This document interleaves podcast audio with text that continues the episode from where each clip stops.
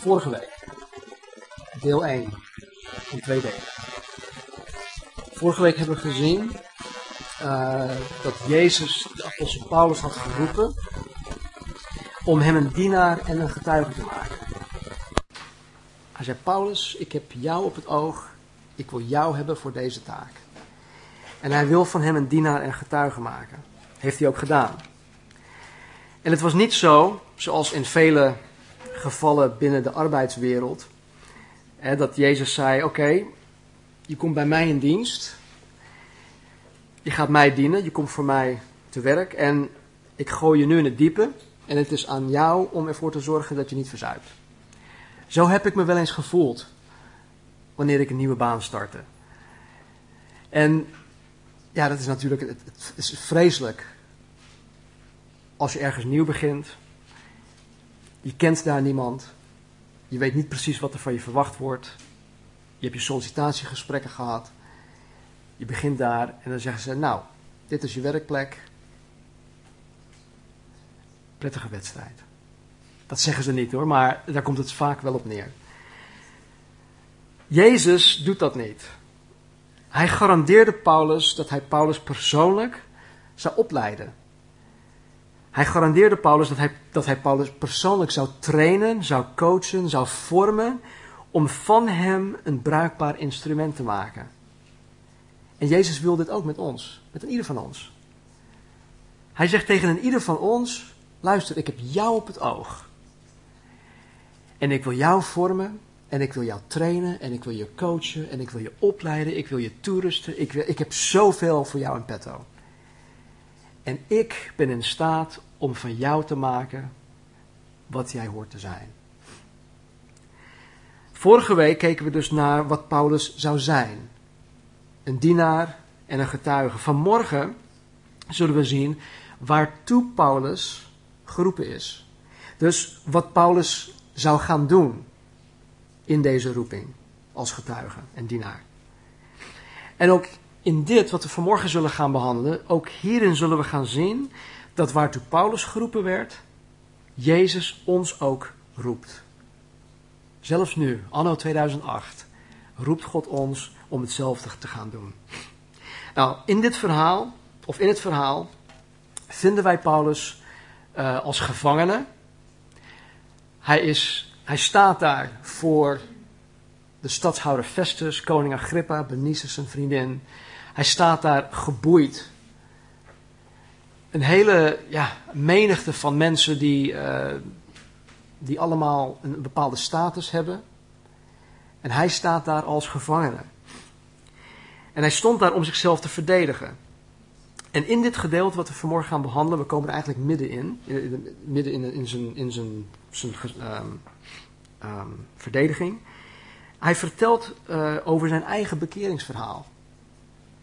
Hij vertelt hoe uh, hij Jezus heeft ontmoet. Hoe hij een persoonlijke ontmoeting heeft gehad met, met, met Jezus Christus.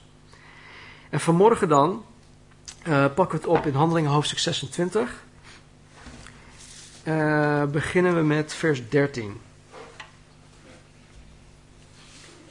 Handelingen 26, vers 13.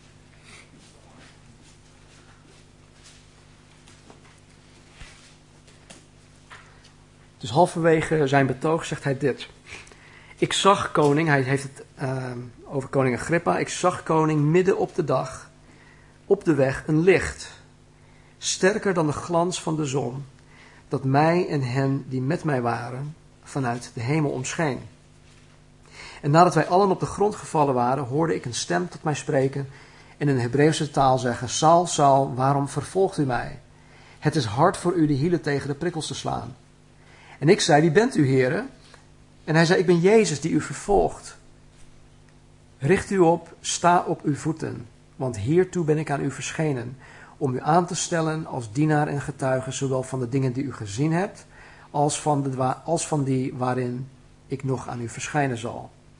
En ik zal u verlossen van dit volk en van de heidenen naar wie ik u nu zend, om hun ogen te openen en hen te bekeren van de duisternis tot het licht en van de macht van Satan tot God, opdat zij vergeving van de zonde ontvangen en een erfdeel onder de geheiligden door het geloof in mij. Daarom, koning Agrippa, ben ik de hemelsverschijning niet ongehoorzaam geweest. Maar heb ik eerst aan hen die in Damascus en in Jeruzalem en in heel het land van Judea woonden, en later aan de heidenen verkondigd dat zij tot inkeer moesten komen, zich tot God bekeren en werken doen die met de bekering overeenstemmen. Tot zover. Vanmorgen gaan we naar iets kijken dat, dat mij enorm versteld doet staan. Um, het is iets waarvan ik denk van wauw. God wil dit met mij. Het is echt, het is onvoorstelbaar wat we vanmorgen gaan zien. Wat hij met ons wil. Dus um, we zullen daar naar kijken. Als, als mens zijnde wil ik in mijn leven, in dit leven, iets betekenen. Ik wil een verschil maken in deze wereld. Ik wil mijn stempel drukken op iets of op iemand. Ik wil iets belangrijk doen in mijn leven. Ik wil eigenlijk een, een blijvende erfenis achterlaten. En dit kan op grote schaal gebeuren. En het kan op kleine schaal gebeuren. Allebei. Maar hoe dan ook, ik geloof dat ieder mens een aangeboren nood of behoefte heeft om iets van betekenis te doen in het leven. Toen ik een tiener was, dacht ik alleen maar aan mezelf. Ik wil dit, ik wil dat. Ik wil een naam voor mezelf maken. Ik wil de beste motocrosser worden in de wereld. Ik wil trofees krijgen of ik wil de, de, de drummer zijn van eh, de meest geweldige rockband of noem maar op. Ik wilde zoveel. Maar het draaide allemaal om mezelf. Nu ik iets ouder ben, iets, ietsje maar, wil ik, hè, toen ik dat begon te ontdekken, dacht ik, hé, hey, er is veel meer in deze wereld. Eh, het leven bestaat uit veel meer dan alleen mijn persoon. Ik wil iets van belang doen, ook om anderen daarbij te helpen. Dus um, ik heb ontdekt dat ik een aangeboren nood heb om iets van betekenis te doen in het leven. En ik geloof ook dat God volkomen in deze nood of in deze behoefte voorziet. Hij doet dat. Uh, in vers 16 zegt Paulus dit, of Jezus dit tegen Paulus: Richt u op en sta op uw voeten, want hiertoe ben ik aan u verschenen. Om u aan te stellen als dienaar en getuige van zowel de dingen die u gezien hebt als van die waarin ik nog aan u verschijnen zal. En ik zal u verlossen van dit volk en van de heidenen naar wie ik u nu zend. Vorige week hebben we vers 16 heel grondig met elkaar behandeld. Dus mocht je dat gemist hebben, het staat op onze, op internetsite. In vers 17 zegt hij, en ik zal u verlossen van dit volk en van de heidenen naar wie ik u zend. Met het verlossen van dit volk en van de heidenen bedoelt Jezus dat hij Paulus, ja, niet verlost in die zin zoals we dat misschien denken, maar dat hij Paulus afzondert voor het werk waartoe hij hem roept. Met andere woorden, Paulus wordt door de Heer zelf apart gezet. Hij wordt apart genomen van de menigte, onder alle Joden en ook onder alle heidenen. Hij wordt, hij wordt er uitge, uitgetrokken als het ware, apart gezet voor een hele specifieke taak. En dat zien we ook door het leven van Paulus heen. Maar dit geldt niet alleen voor Paulus. Dit geldt ook voor een ieder van ons. Een ieder van ons. Niet alleen voor mij als voorganger, maar het geldt voor iedereen. Jezus wil jou apart zetten voor zijn werk, voor een hele specifieke taak. En deze specifieke taak, onder andere, is dit. In vers 18. Om hun ogen te openen en hen te bekeren van de duisternis tot het licht en van de macht van Satan tot God, opdat zij vergeving van de zonde ontvangen en een erfdeel onder de geheiligden door het geloof in mij.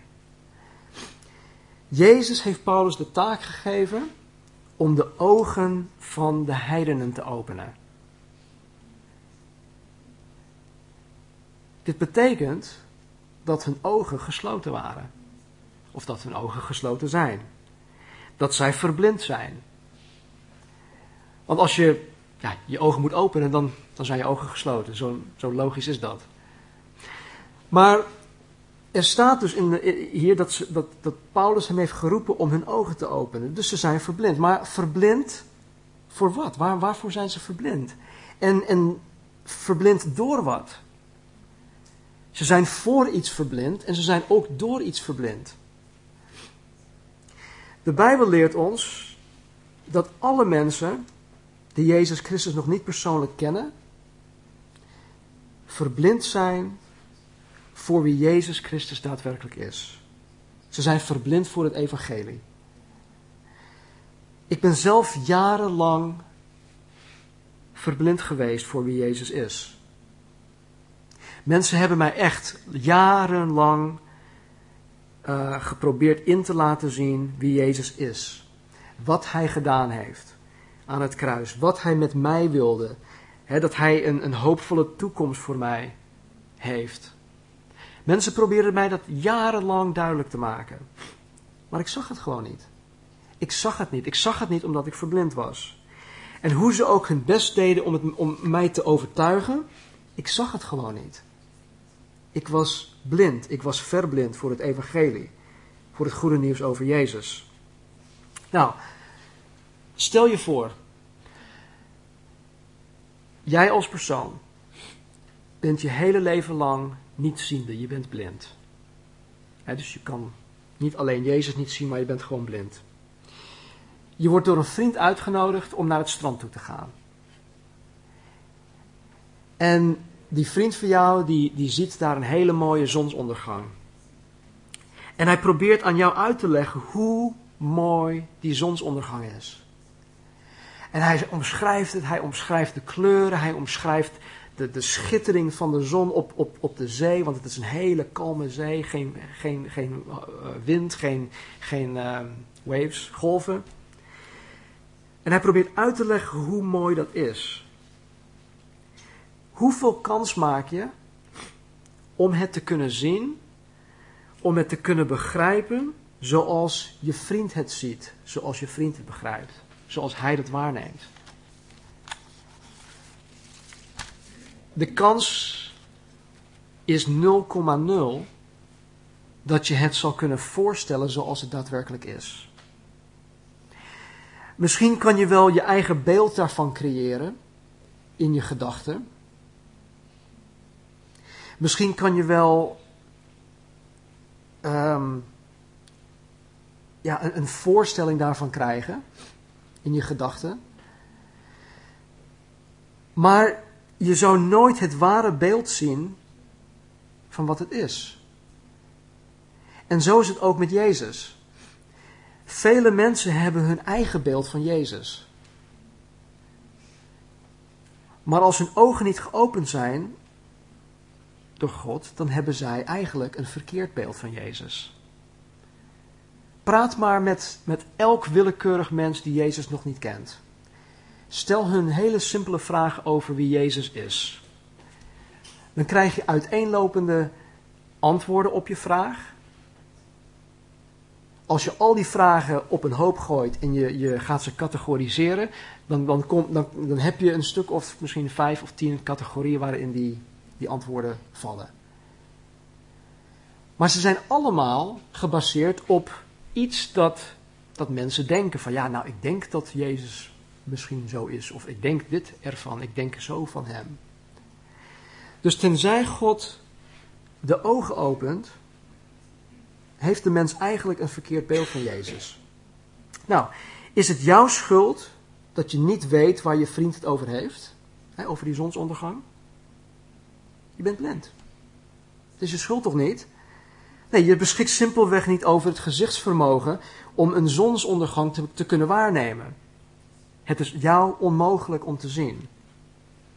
Nou, zo ook hebben alle mensen die Jezus nog niet kennen, niet het gezichtsvermogen om Hem te kunnen zien voor wie Hij daadwerkelijk is. Maar waarom niet?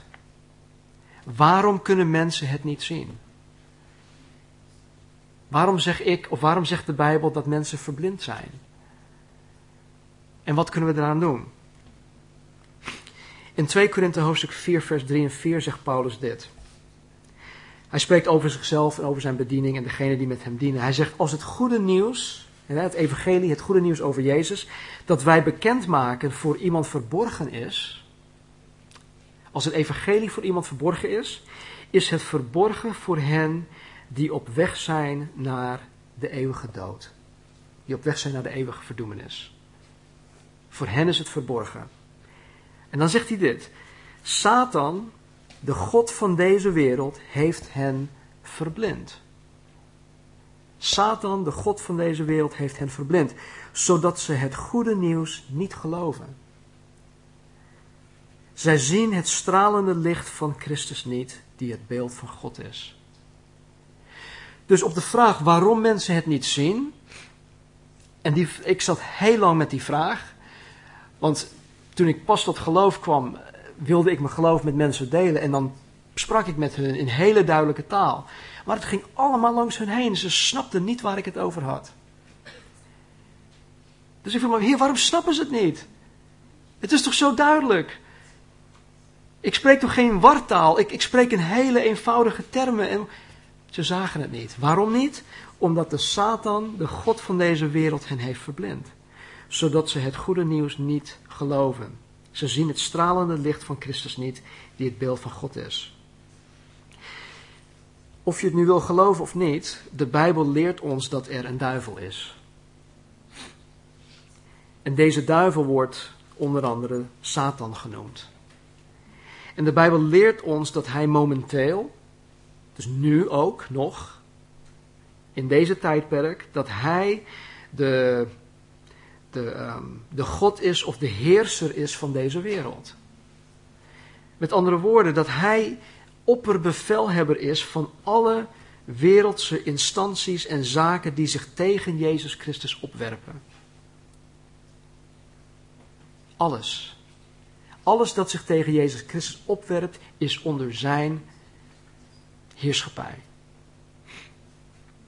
Jezus zelf had hiermee te maken toen hij hier op aarde was. Jullie kennen het verhaal. Jezus werd gedoopt door Johannes de Doper. Hij kwam het water uit. Een stem kwam uit de hemel. Zei tegen de mensen: Dit is mijn geliefde zoon. Luister naar hem. De Heilige Geest daalde op hem in de vorm van een duif. En meteen werd hij door de Heilige Geest geleid naar de woestijn om veertig dagen lang verzocht te worden door de duivel. En in Lucas 4, vers 1 tot en met 8 zien we dit. Jezus, vol van de Heilige Geest, keerde terug van de Jordaan, waar hij gedoopt werd, en werd door de Geest naar de woestijn geleid, waar hij veertig dagen verzocht werd door de duivel. Hij at niets in die dagen en tenslotte, toen die voorbij waren, kreeg hij honger. De duivel zei tegen hem: Als u Gods zoon bent, zeg dan tegen deze steen dat hij brood wordt.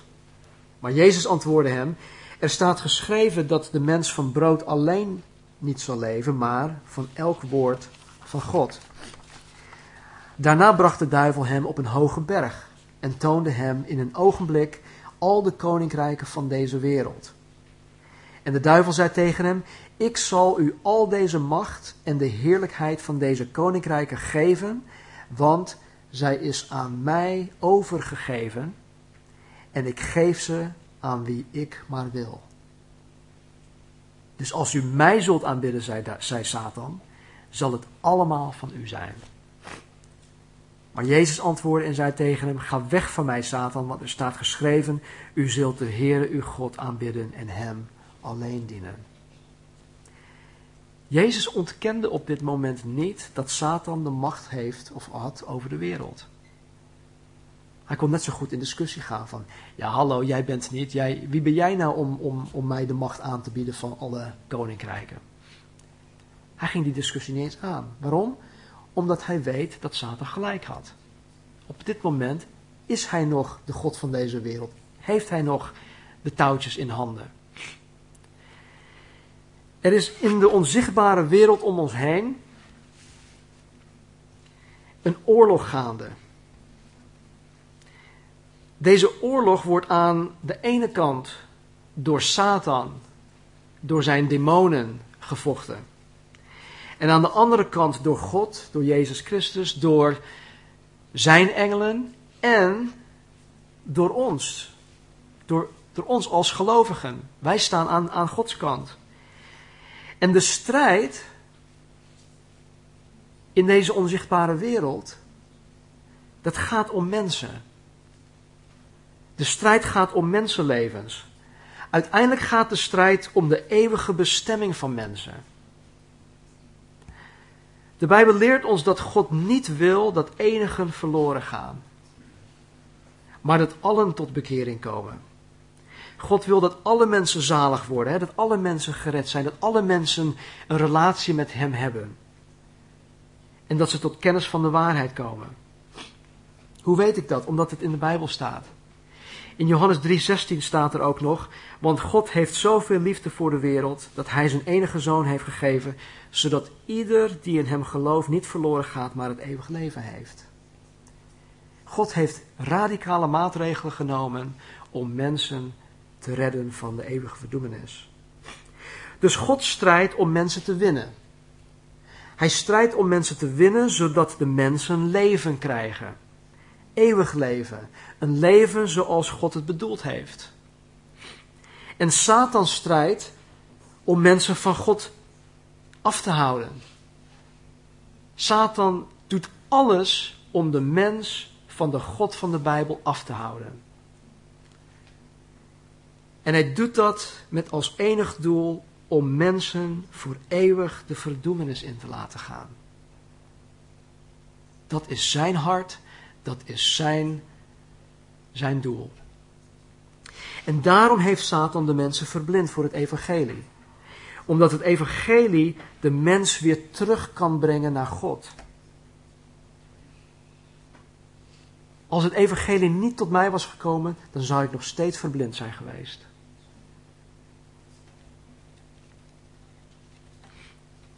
En zo heeft Jezus Paulus en ook ons de taak gegeven om mensen de ogen te openen.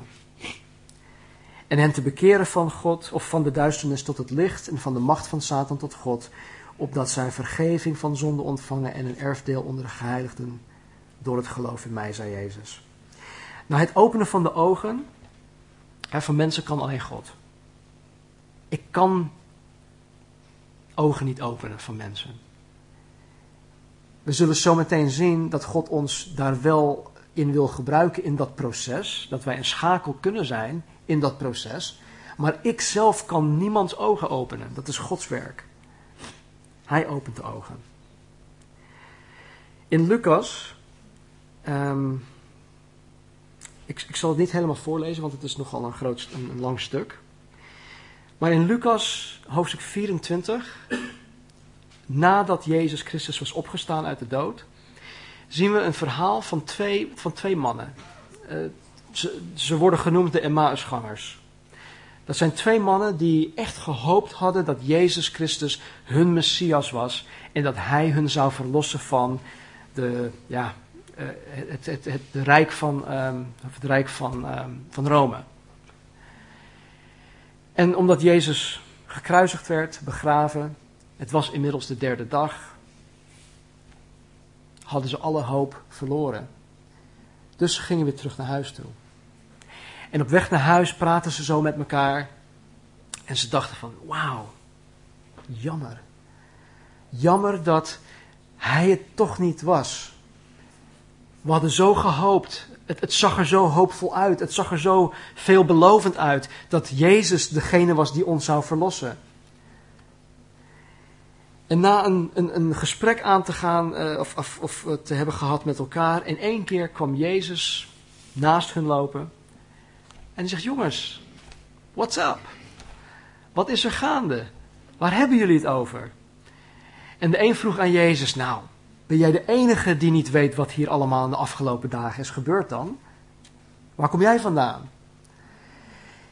En op een gegeven moment begon Jezus te vertellen over de Messias vanuit het Oude Testament dat de Messias zou moeten lijden, dat hij gekruisigd zou moeten worden en dat hij na drie dagen weer op zou staan uit de dood. Maar er staat op een gegeven moment tijdens dat gesprek want ze herkenden hem niet. Er staat in Lucas 24, 16, hun ogen werden gesloten gehouden, zodat zij Jezus niet herkenden.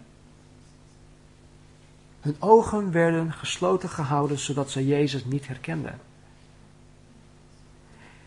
Na dat gesprek, in vers 31, staat er ineens, en hun ogen werden geopend en zij herkenden hem.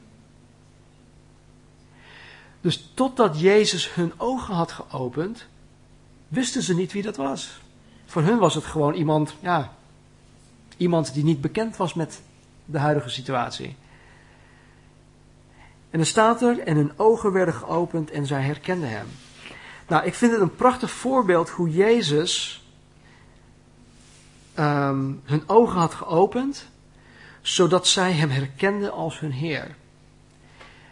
Want vervolgens zeggen ze tegen elkaar: Wauw, brandde het niet in ons hart toen hij al die dingen vertelde uit, uit, uit de boeken van Mozes en de profeten? Brandde het woord niet in ons hart? We hadden het moeten weten.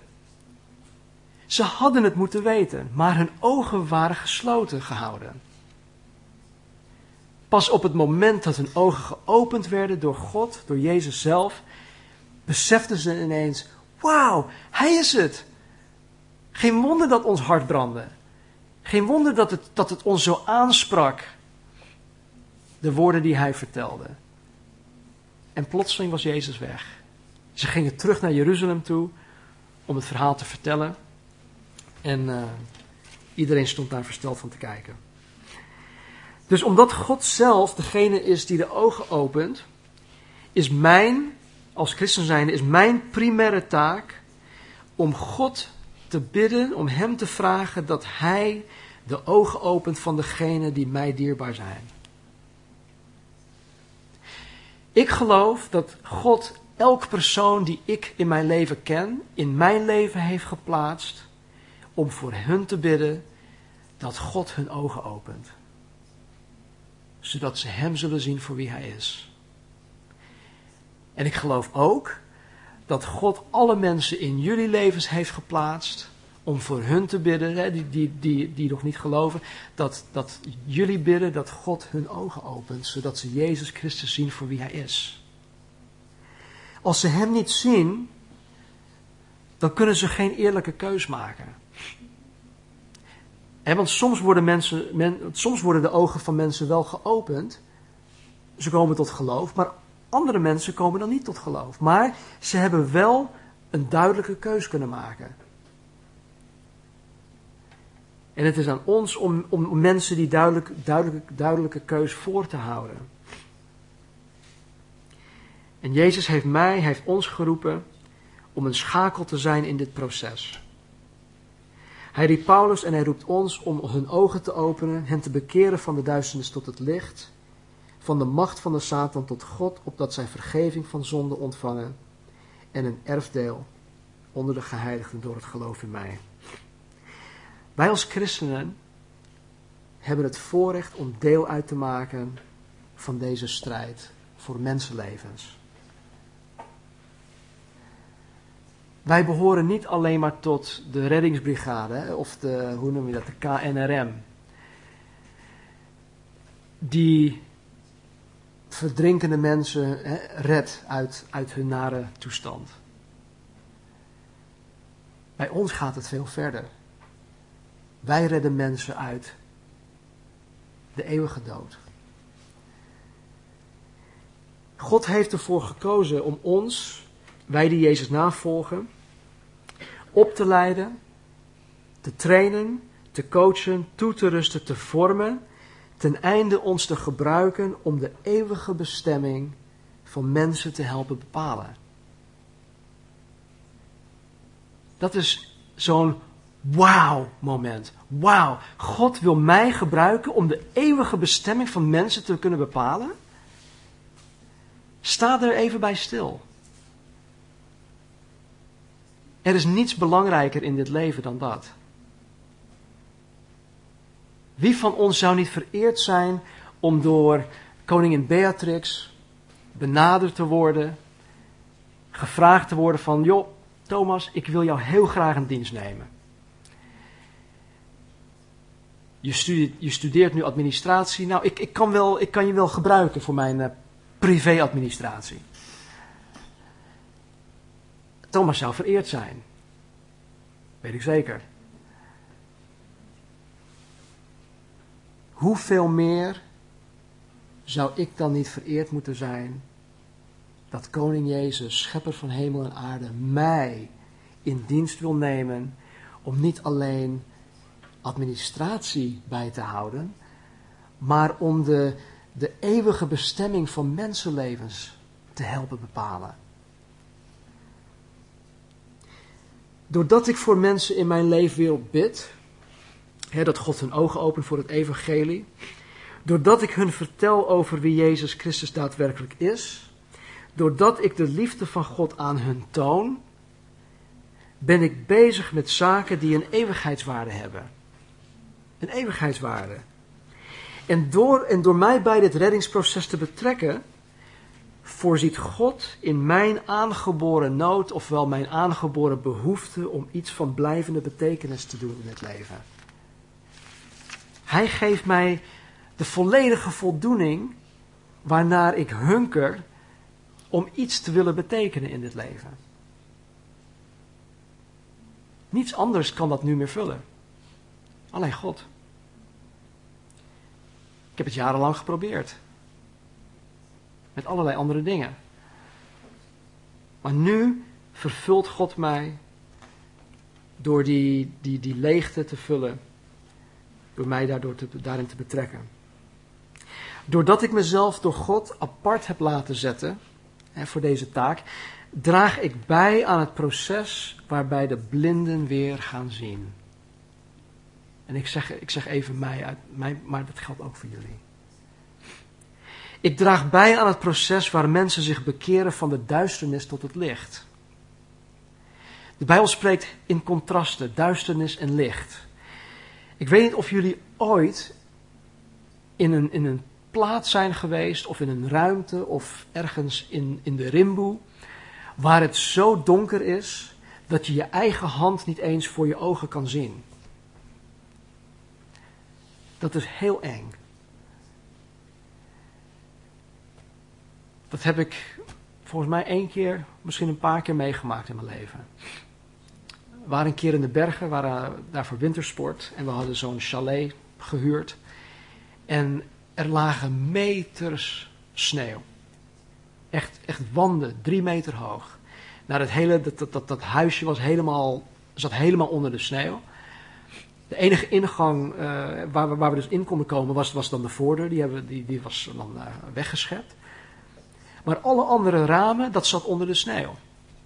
En s'avonds, ja, het is sowieso donker in de bergen, maar s'avonds, als alle lichten uit waren, dan kon je echt niks zien. Je kon dit doen, je kon echt helemaal niks zien.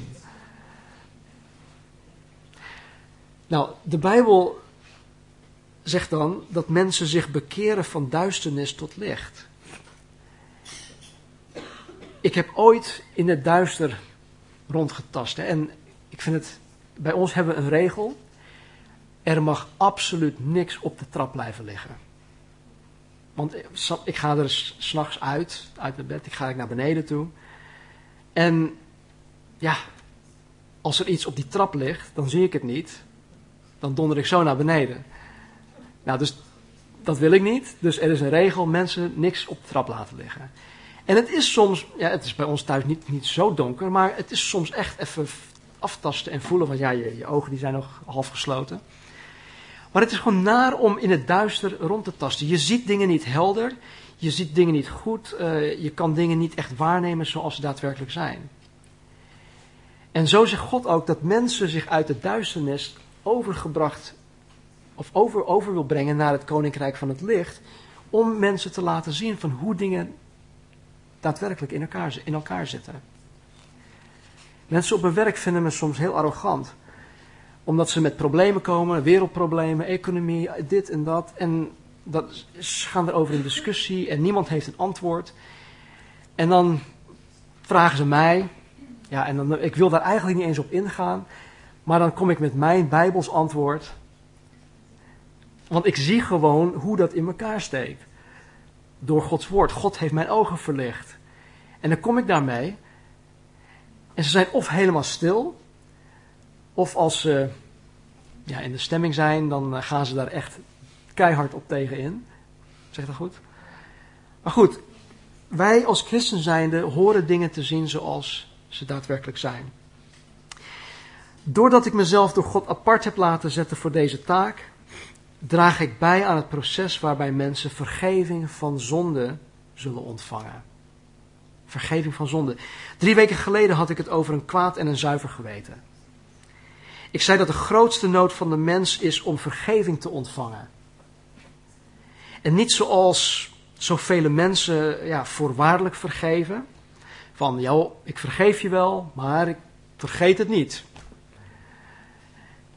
God vergeeft onvoorwaardelijk. God um, vergeef mij. En er staat in de Bijbel dat hij mijn zonde zegt, er is een, een, psalm, hij zegt, hij gooit mijn zonde weg zo, zo ver als het oosten van het westen is. Je kan eindeloos lang in, in een westelijke richting gaan. Onophoudelijk. Je kan ook eindeloos lang in een oostelijke richting gaan om de wereldbol. Onophoudelijk. Dus wat hij hiermee wil zeggen is, ik herinner je zonde niet eens meer. Ik gooi ze zo ver weg, zo ver als het oosten is van het westen, zo ver gooi ik jouw zonde weg. Ik zie ze niet eens meer, ik denk er niet eens meer aan. Zo vergeeft God mij. En doordat ik mezelf door God apart zet, draag ik bij aan het proces waarbij mensen deze vergeving kunnen ontvangen. Jezus vergeeft zijn volgelingen van alles. Hij vergeeft mij van alles wat ik in het verleden heb gedaan. Hij vergeeft me voor wat ik vandaag of al heb gedaan of zal gaan doen. En hij vergeeft me voor alles wat ik in de toekomst nog zal begaan. Mijn hele leven lang. Alles wat ik doe, alles wat ik fout heb gedaan, alles, al mijn tekortkomingen, heeft Jezus vergeven. Punt uit. En hij vergeeft mij niet alleen. Hij wil dat waar hij ons vergeven heeft, wij ophouden rond te lopen met schuldgevoelens. God is bij machten om ook al onze schuldgevoelens van ons weg te nemen. Zodat ons geweten ons niet meer aanklaagt.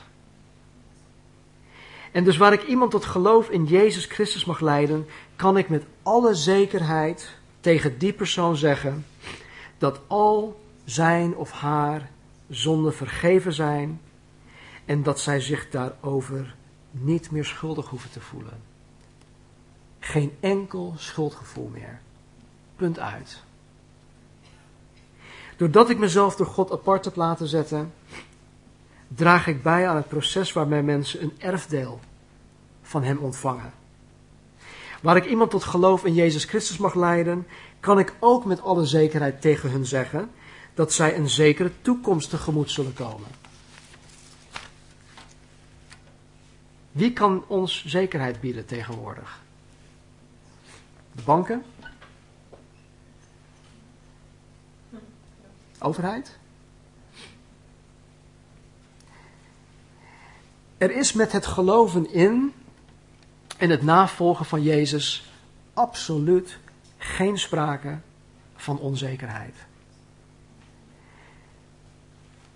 Met alle onzekerheid rondom de economie en veel andere dingen wordt er momenteel veel minder belegd, veel minder geïnvesteerd.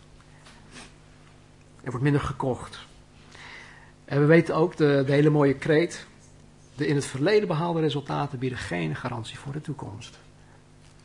Dat is een disclaimer. Nou, de door Jezus behaalde resultaten aan het kruis en door zijn opstanding uit de dood krijgt de gelovige juist wel een garantie voor de toekomst. Een keiharde garantie zelfs. En hier staat dat door het geloof in Jezus ik een erfgenaam ben van het erfdeel die God voor mij bestemd heeft. Dit erfdeel is iets dat wij als gelovigen zullen ontvangen zonder dat wij het hoeven te verdienen. God maakt geen onderscheid tussen zijn kinderen. Hij zegt niet van, nou, Rob, je hebt het zo goed gedaan, jij krijgt dit van mij. Ja, jij hebt het iets minder gedaan, eh, John, dus uh, je krijgt iets minder, sorry. Zo, zo werkt dat niet bij God. Ik heb vier dochters. Als ik na mijn dood iets achter zou laten, dan zou ik het meest bijzondere waarschijnlijk aan mijn favoriete dochter geven. Die heb ik niet hoor. Even voor het, als voorbeeld. Maar God is niet zo. God heeft geen favorieten. Ik zou het wel willen, willen, willen geloven dat ik zijn favoriet ben, maar dat is niet zo.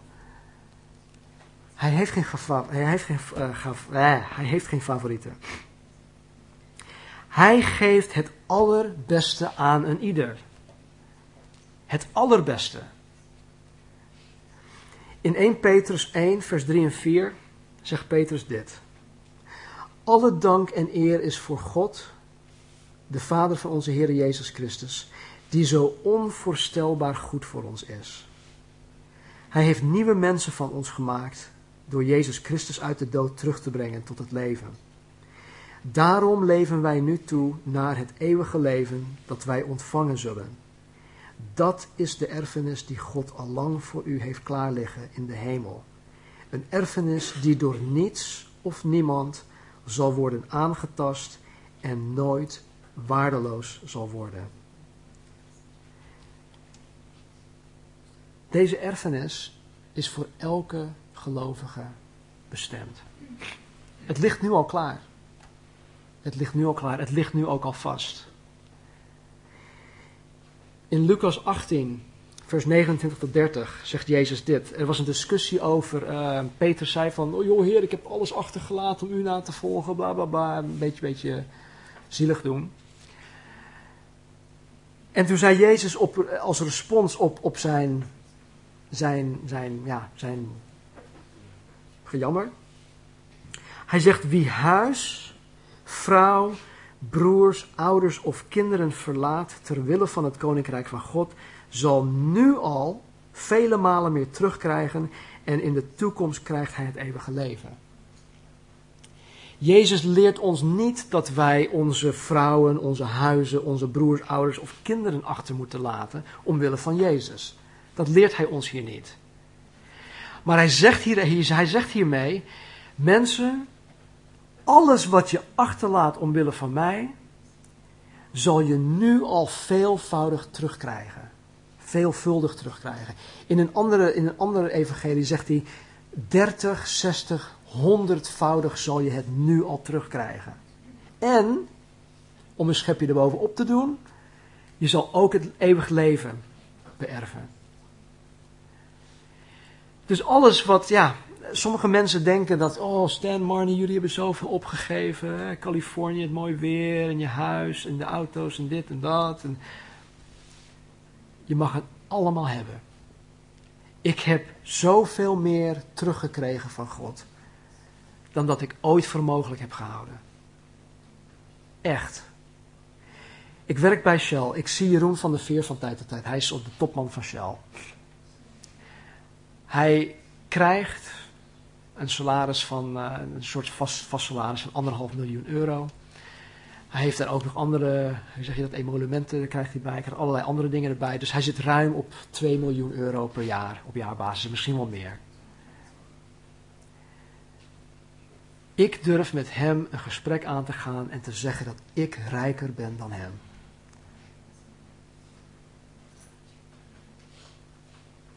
Want ondanks dat hij zoveel materialistische dingen heeft, zie ik in zijn ogen dat hij leeg is.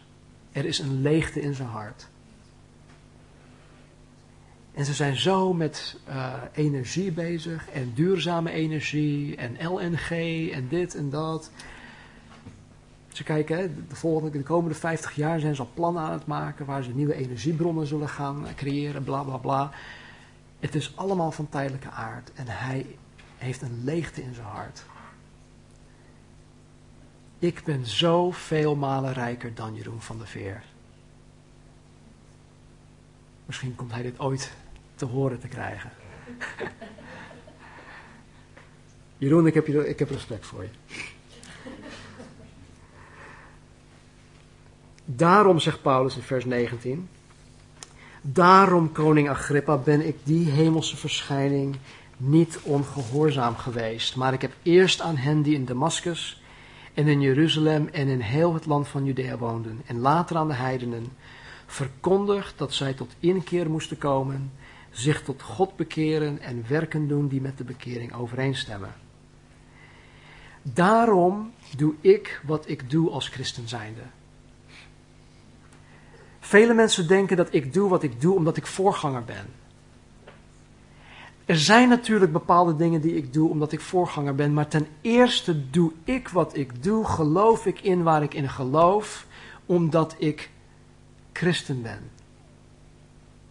Ik ben een volgeling van Jezus Christus. En als volgeling van Jezus Christus maak ik deel uit van het winnende team die zich bezighoudt met zaken van eeuwigheidswaarde. Als christen maak ik deel uit van een winnende team die mensen het leven geeft. Overvloed in dit leven. En de zekerheid van een eeuwig leven samen met God in alle heerlijkheid. Paulus heeft een kijkje mogen, mogen nemen in, in de hemel. En hij zei, het is, het is mij niet geoorloofd om in woorden te proberen uit te spreken wat ik daar heb gezien. Hoe mooi dat is. Dus het is onvoorstelbaar wat ons straks te wachten staat. Maar zeker is het. Zeker is het. En wij mogen dit met mensen delen. Wij kunnen mensen winnen om, om deze heerlijkheid met hun te delen. Ik zei aan het begin, als mens zijnde wil ik iets betekenen in dit leven. Ik wil een verschil maken in deze wereld. Ik wil mijn stempel drukken op iets of iemand. Ik wil iets belangrijks doen in het leven. Ik wil een blijvende erfenis achterlaten. Door geen toeschouwer te zijn in het christendom, maar door een proactieve deelnemer te zijn in Gods werk, door mezelf door God apart te laten zetten voor zijn werk, zal ik niet alleen iets in dit leven gaan betekenen voor mensen, maar tot in eeuwigheid. En dat geldt voor ieder van ons. Wij kunnen allemaal iets voor, voor mensen betekenen tot in de eeuwigheid. Voor altijd. Laten we bidden. Vader, dank u wel. Ik sta nog steeds versteld, Vader, dat u mensen heeft gekozen. Mensen van vlees en bloed. Mensen die fouten maken, heren. Mensen die zo onvolmaakt zijn. Heer, om uw werk hier op aarde te verrichten. Vader, het is zo mooi dat u ons daarbij betrekt. Heer, dat u ieder van ons roept. Heer, om van ons een dienaar en een getuige te maken. Vader, dat u ons roept om de ogen te openen van mensen.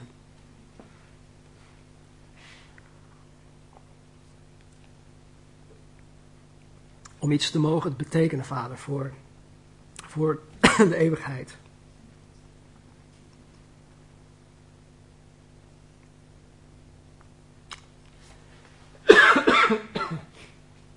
Zegen, Heer.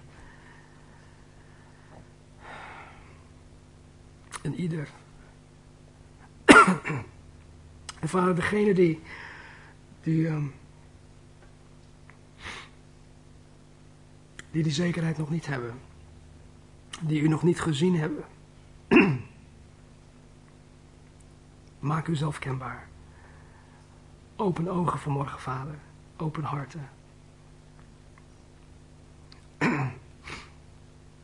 En help ieder van ons, heren, om tot uw doel te komen.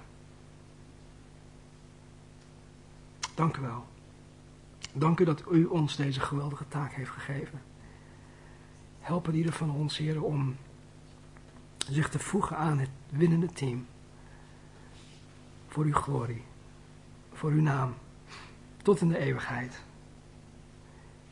In Jezus' naam. Amen.